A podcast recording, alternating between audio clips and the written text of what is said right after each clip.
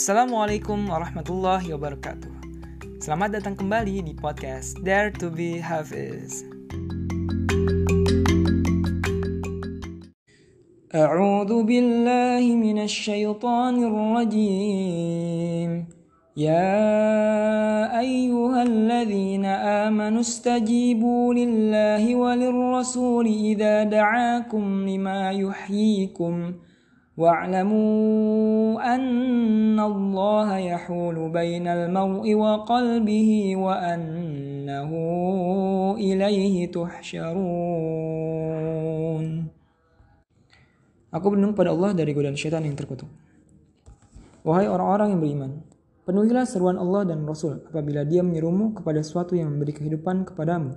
Dan ketahuilah bahwa sungguhnya Allah membatasi antara manusia dan hatinya. Dan sungguh, kepadanya lah kamu akan dikumpulkan. Oke, udah sampai ke pembahasan YA yang ke-45, tepatnya di surat Al-Anfal ayat 24. Ini setelah sebelumnya diperintahkan untuk taat kepada Allah dan Rasulnya, kemudian larangan untuk berpaling dari perintah-perintah Allah. Kemudian di sini dikuatkan lagi dengan penuhilah seruan Allah dan Rasul. Apabila dia menyerumu kepada suatu yang memberi kehidupan. Nah, suatu yang memberi kehidupan ini maksudnya apa? Ini di footnote ditulis menyerumu berperang untuk meninggikan kalimat Allah dan menghidupkan Islam dan muslimin. Jadi menghidupkan itu menghidupkan kalimat Allah, meninggikan kalimat Allah dan menghidupkan Islam dan muslimin. Dan ini juga berarti menyerumu kepada iman, petunjuk, jihad, dan segala hal yang ada hubungannya dengan kebahagiaan hidup di dunia dan akhirat. Jadi maksudnya ke, uh, kehidupan di sini tuh bukan cuma kehidupan di dunia dan akhirat aja. Eh, bukan cuma kehidupan di dunia doang, tapi kehidupan di akhirat. Pun kalau misalnya kita perhatian ya, walaupun perang gitu, perang. Mungkin ada bakal orang yang ya, potensi terbunuh dan ya tentu akan ada orang yang matilah di sana di ketika perang. Tapi justru ini malah menghidupkan menghidupkan tadi tadi dalam artian menghidupkan jiwa, menghidupkan agama gitu, menghidupkan uh, yang melindungi orang-orang muslim yang yang mereka tuh diperangi gitu.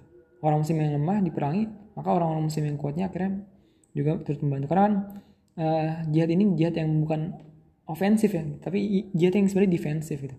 Uh, apa namanya? Nggak nyerang duluan tapi karena diserang akhirnya kita harus membela diri di, uh, daripada akhirnya banyak orang yang terbunuh kan lebih baik di, dilawan gitu ya. Ya ini makanya mungkin salah satu bentuk kayak menghidupkan memberikan kehidupan itu kayak gini. Tapi di sini konteksnya ada juga dalam artian memberikan kehidupan dalam artian kehidupan jiwa kehidupan iman gitu semacamnya gitu sampai ke akhirat. Nah uh, di sini juga menariknya ada dan ketahuilah bahwa semuanya Allah membatasi antara manusia dan hatinya. Itu maksudnya gimana tuh? Coba Allah membatasi antara manusia dan hatinya. Apakah mungkin karena antara hati dan diri kita sendiri tuh suatu hal yang berbeda suatu hal yang nggak benar-benar bisa dikuasai atau gimana? Padahal kalau misalnya kita tahu juga kalau misal kan ada tuh hadis yang apa namanya tentang hati gitu ya. Kalau misalnya hati itu baik maka baik juga seluruh jasadnya semacamnya jadi kayak benar-benar kuncinya banget ya di hati ini tapi coba cari tahu lebih lanjut terkait ini ya. Apa arti dan atau makna dari membatasi antara manusia dengan hatinya. Oke sampai sini dulu. Assalamualaikum warahmatullahi wabarakatuh